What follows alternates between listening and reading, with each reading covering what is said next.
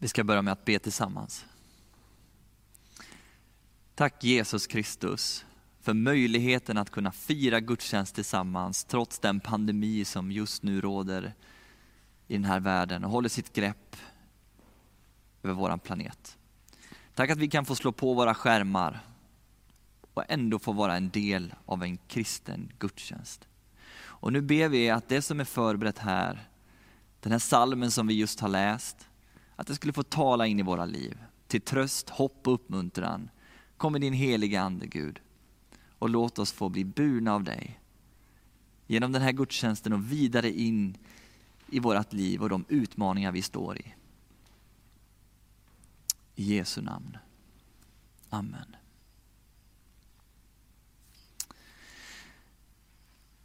När jag var tio år gammal så hade jag en bästis. Jag vet inte om du har haft någon bästis någon gång? Alltså någon sån där som du verkligen valde framför alla andra i alla lägen. Så var det med mig och den här killen, vi valde varandra. Och jag kommer ihåg hur vi på sommarlovet bakom hans hus inne i skogen ja, men lekte fördämning vid ån där och hur vi la straffar sådär intill stolpen för att så långt som möjligt kunna efterlikna Thomas Brolin och hans straffläggning 1994. Och jag minns hur vi på terminerna skrev listor över vilka tjejer vi tycker var snyggast på skolan. Och tävlade om vem som kunde kamma hem flest tryckare på mellanstadiediskot. Allt detta och mycket mer. Nergrävda skatter i åken, innebandy, fotboll. Vi hade roligt tillsammans, verkligen. Men så en dag, plötsligt så hände någonting. Det gick väldigt fort men ändå subtilt nog, eller tillräckligt subtilt att jag inte hann fatta vad som hände förrän allting var över. Plötsligt så märkte jag att vi hade glidit ifrån varandra. Jag var inte längre välkommen, jag var inte inbjuden. Och vänskapen hade tagit slut. Det var nog första gången i mitt liv som jag på riktigt såg in i det här mörkret som vi idag ska stanna upp lite grann i. Och jag är väl, väl medveten om att det här exemplet ja, men är långt ifrån så smärtsamt som livet kan vara för många av oss ibland. Ändå var det ett mörker och ändå så är det ett bra exempel därför att det handlar precis om samma tematik som de svåraste och tyngsta sakerna som vi människor kan gå igenom. Nämligen att den vi älskar tas oss ifrån oss. Det kan vara att någon vi älskar dör och vi blir ensamma, ensamma kvar här på jorden. Med vår kärlek till den här personen kvar i våra hjärtan som en tomhet. Det kan vara att vi blir svikna. Det kan vara att någon trampar på oss, ljuger för oss, överger oss fullständigt. Det kan vara att vi helt enkelt förlorar den vi älskar så att vi inte har honom eller henne kvar. Ibland tvingas vi människor vandra igenom dödsskuggans dal, som den här salmisten David uttrycker det i den här salmen. Men efter en dal så kommer ofta ett berg. Och därför är den största frågan egentligen inte om vi kommer till den där dalen eller inte, utan om vi orkar gå vidare för att ta oss upp ur den. Och den största frågan av alla kanske egentligen är, vem eller ja, vad eller vem kan hjälpa oss igenom den? Det är vad vi ska prata lite om idag. Psalm 23 läste Ingmar för er alldeles innan här. Psalm 23. Och lyssnar du på podden just nu och inte hörde hela den här läsningen, så pausa gärna nu och läs psalm 23. Kanske har du läst den många gånger, som jag har gjort. För det här är faktiskt den allra mest välkända salmen vi har. Kanske ett av de allra mest välkända bibelställena vi har överhuvudtaget, kanske efter Johannes 3 och 16. Och en av de allra mest älskade verserna som finns i hela bibeln. Psalm 23 är en psalm som ingen annan psalm. Det finns inget som går att jämföra med den. Den är en tröst i hopplösheten. Den är en guide i vägskälet. Den är en hand att hålla i på begravningsgudstjänsten. den innehåller nästan en hel trosbekännelse i sex enkla verser. Och det har gjort att den har tröstat miljoner och åter miljoner människor under väldigt, väldigt lång tid. Bibeln själv menar att den här salmen är skriven av David, kung David, den kung som ja, men så här i efterhand har det bästa ryktet bland Israels kungar. Kung David han var en kung efter Guds hjärta står det. Han följde så långt han förmådde att Guds lag och ville följa Gud i sitt regerarskap. Ändå var hans liv långt ifrån spikrak och enkelt. Han var med om tuffa saker, verkligen. Och man kan nästan ana det i den här salmen. För vem skriver en sån här salm om man inte först har varit med om en hel del saker? Jag hade inte kunnat skriva den här salmen idag. Men kanske senare. Kung David gick på ganska kort tid ifrån att vara en vanlig enkel herdepojke ibland åtta stycken bröder, den yngsta också ibland föraktad av sina äldre bröder, till att bli kunglig musikant, spela för kungen i hovet. Till att sedan bli nationalhjälte och i nästa steg kung över Israel.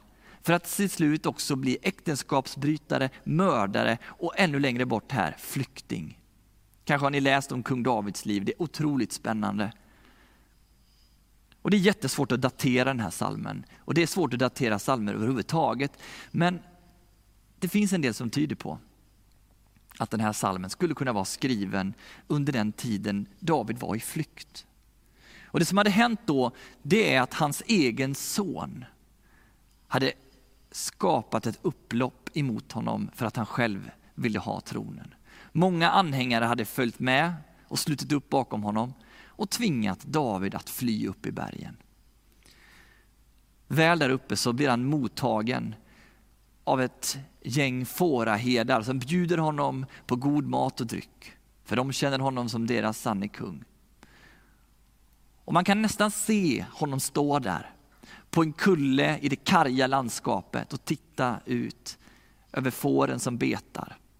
Och hur minnena från när han var liten som en liten fårapojke kom tillbaka över honom. Och hur de här orden, som om de var givna av Gud, kom in i hans liv. Och nu är det inte han som är herden längre, utan han är fåret som stryker runt där nere i dalen. Och Gud är den gode herden som ser till att ingenting ska fattas honom. Och som för honom i vall på gröna ängar och leder honom till lugna vatten där han kan få finna vila. Tänk nu på vilken skuld han bär på inombords. Tänk på de felsteg som han har begått. Se också de felsteg som har begåtts emot honom, som har drivit honom på flykt. Och hur han där och då landar i att trots att jag är på den här platsen så är Gud med mig. Och ingenting ska fattas mig. Och när vi ändå är inne på texttolkning nu och talar om ja, men, den bibliska historien och bakgrunden så tycker jag att vi också kanske behöver säga någonting om den här salmens form och uppbyggnad. Och nu kommer en bild för er som sitter där hemma och tittar. En bild som visar en kiasm.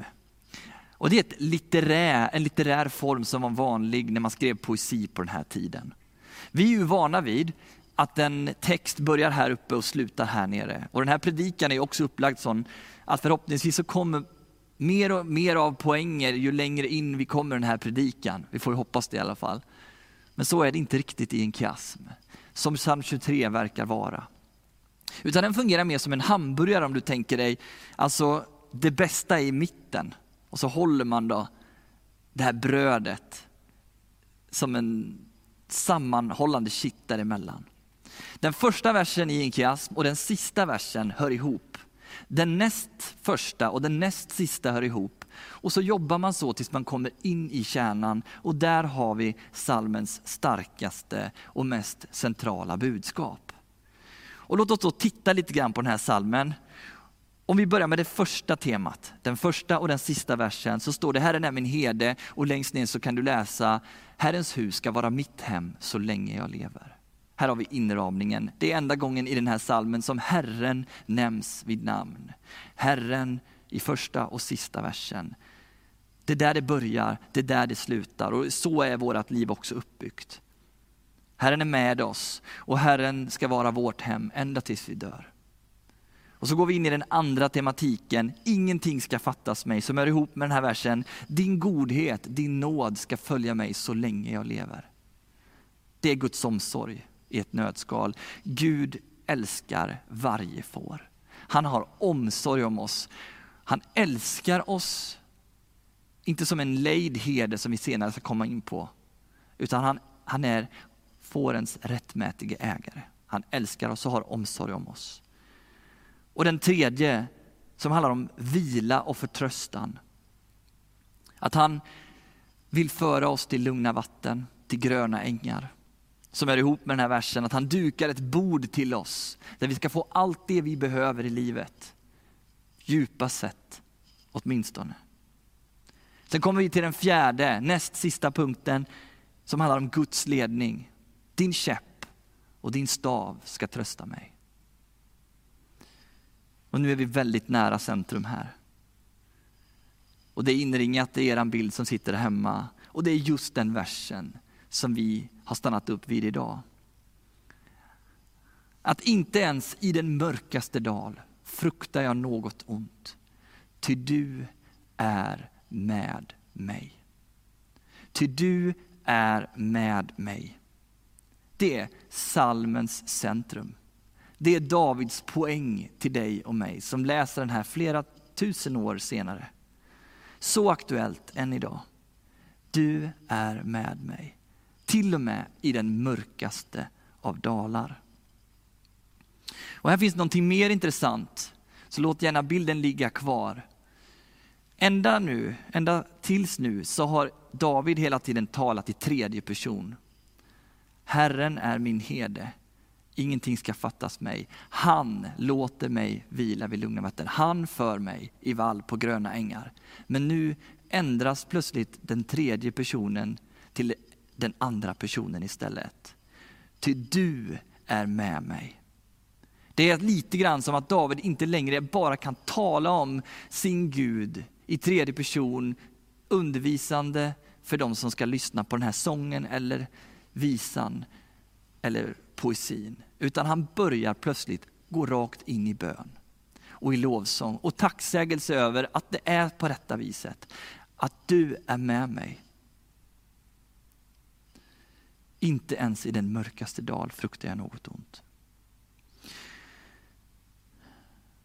Och Jag tycker att det är passande. För ofta är det ju precis i den delen av livet, när det börjar bli riktigt, riktigt mörkt. När någon har lämnat oss, när någon har dött ifrån oss, när vi har blivit trampade på, när vi känner oss ensamma på riktigt då är det inte mycket annat som får plats än bara jag och Gud. Då är det du och jag, som Emil och Alf, Alfred säger i Astrid Lindgrens saga. Du och jag Alfred. Du och jag Emil. Så verkar det vara för David när han kommit in i centrum av den här visan som han har skrivit. Och jag kommer att tänka på en predikan som jag hörde för 15 år sedan. Jag satt på Frizon, en kristen ungdomsfestival i närheten av Örebro. Och det var en ung predikant som stod där framme. Jag hade hört honom tidigare på Hörnekonferensen, det var några år sedan. Han heter Patrik Forsling. Och under den tiden då hade han varit uppfriskande, han hade varit eh, uppspelt och skämtsam. Men där på Frizon några år senare så var någonting annorlunda i hans ton.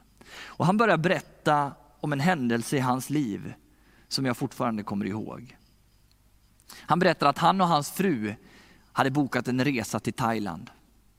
Och när de ligger där på stranden så upptäcker de alldeles för sent att det kommer otroligt stora vågor in mot stranden. Det är 2004 och världen kommer snart få höra om tsunamin som vi känner den i den Indiska oceanen. Några sekunder senare så svämmar vattnet över dem och de skiljs åt omedelbart. Och han berättar hur han simmar för livet och han känner att luften håller på att ta slut. Men till slut så hittar han någon slags luftficka någonstans som gör att han kan hålla sig själv vid liv ända tills hjälpen kommer. Han tas till sjukhuset, han har inte en aning om hans egen fru lever eller inte. Men nio timmar senare så upptäcker de varandra, de har hamnat på samma sjukhus av en händelse. Och någon kommer rullandes med, henne, med hans fru i en rullstol. Och, och hon lever. I efterhand har jag hört en intervju med dem och hon berättar att det här var den lyckligaste stunden i hennes liv. När hon såg att hennes man faktiskt levde. Men det jag kommer ihåg allra mest från den här berättelsen var inte detta, utan det var vad han sa efteråt. När han berättade om stunden och tiden som kom när de kom hem till Sverige. Den, det lidande han hade sett, den känslan han hade varit med om att nästan förlora allt, satte sig i honom. Och han gick in i ett mörker. Han varken orkade arbeta eller predika. Och under vissa perioder orkade han inte ens be. Det enda han förmådde säga var Jesus Kristus. Jesus Kristus. Och det upprepade han gång på gång i sin personliga bön. Jesus Kristus. Och jag tänker att det är så här det är när vi är i den mörkaste av dalar. Då är det Jesus Kristus vi kan få sträcka oss efter. Och det räcker. Därför Jesus menar sig vara den gode heden som, som David här, flera tusen år innan, sätter ord på så otroligt träffsäkert. Det är Jesus som sen fullbordar den salmen. När han själv då säger de här välkända orden i Johannes 10 och vers 11. Och ni ska få se dem på skärmen nu. Johannes 10 och vers 11. Om ni vill följa med i den läsningen. Där står det så här. Jag är den gode heden. Den gode heden ger sitt liv för fåren. Den som är lejd och inte är heden, herde och inte äger fåren, han överger fåren och flyr när han ser vargen komma. Och vargen river dem och skingrar jorden. Han är ju lejd och bryr sig inte om fåren. Jag är den gode herden och jag känner mina får och de känner mig.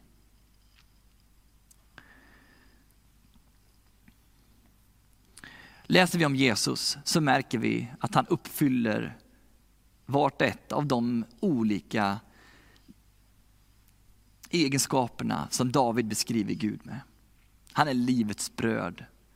Han är den som ger oss och mättar vår hunger på djupet. Han är den som skänker vila och bär våra bördor. Det är vad han säger att han vill göra.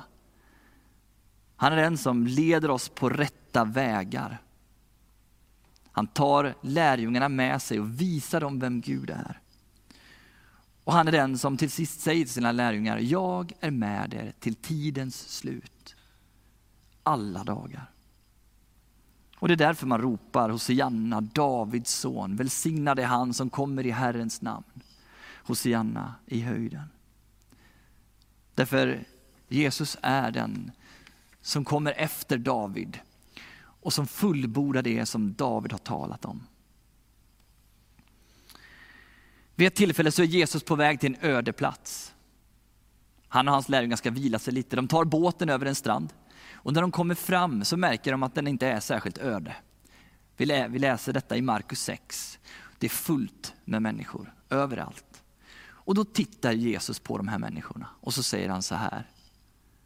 Eller så står det så här att han blir fylld av medlidande för dem. För de var som får utan herde. I Sverige så har vi ju staket. Vi behöver inga herdar längre. Det, det yrket är borträknat.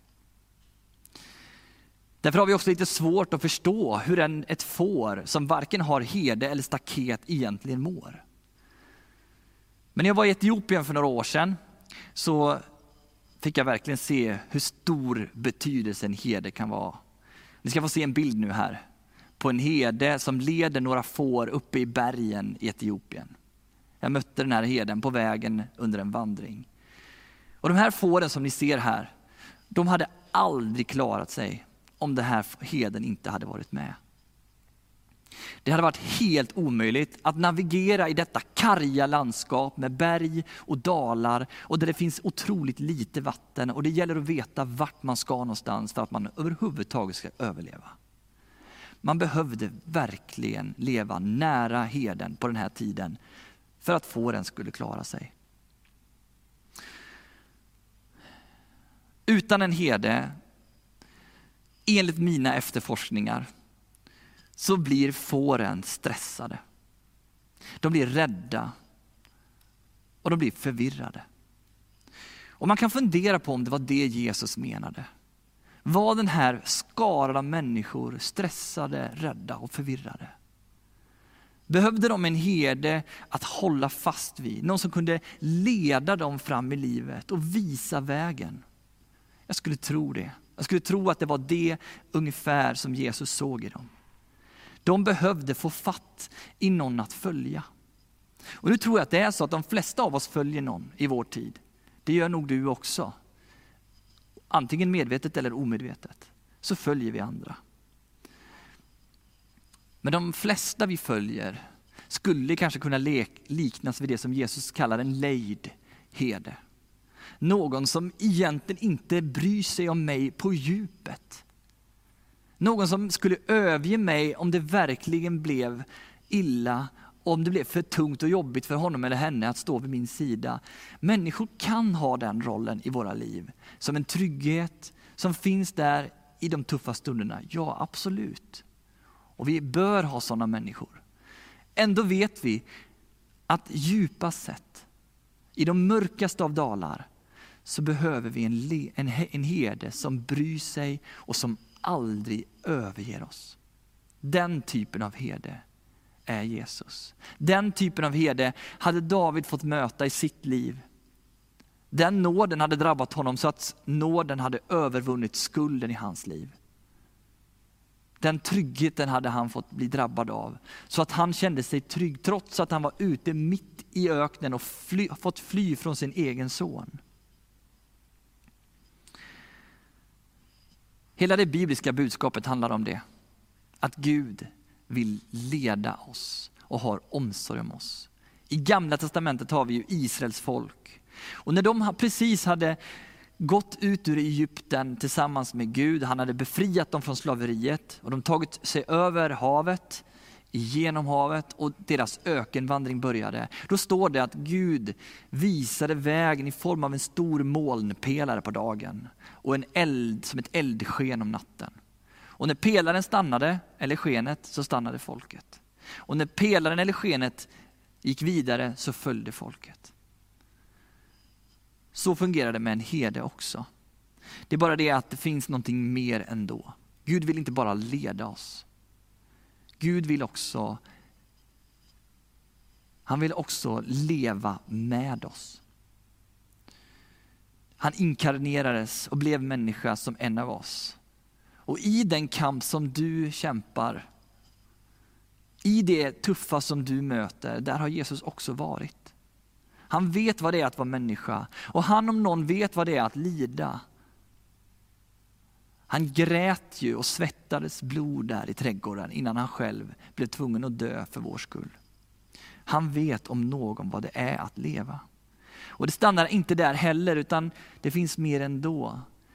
För när Jesus sen hade stigit upp till himlen så kommer den helige ande. Och Jesus flyttar bokstavligen talat in i sin flock. In i varje får. Så Gud vill leda oss, men han vill också leva med oss och bo i oss. Det finns en sång som jag älskar som heter Helvetet och skriven av en artist som, eh, som heter Silver. De sjunger så här i, i sin text, att när du ser att helvetet kommer, kom ihåg att du har en himmel som bor på insidan. När du ser att helvetet kommer, så kom ihåg att du har en himmel på insidan. Jag tror att många av oss är behov av en herde i våra liv.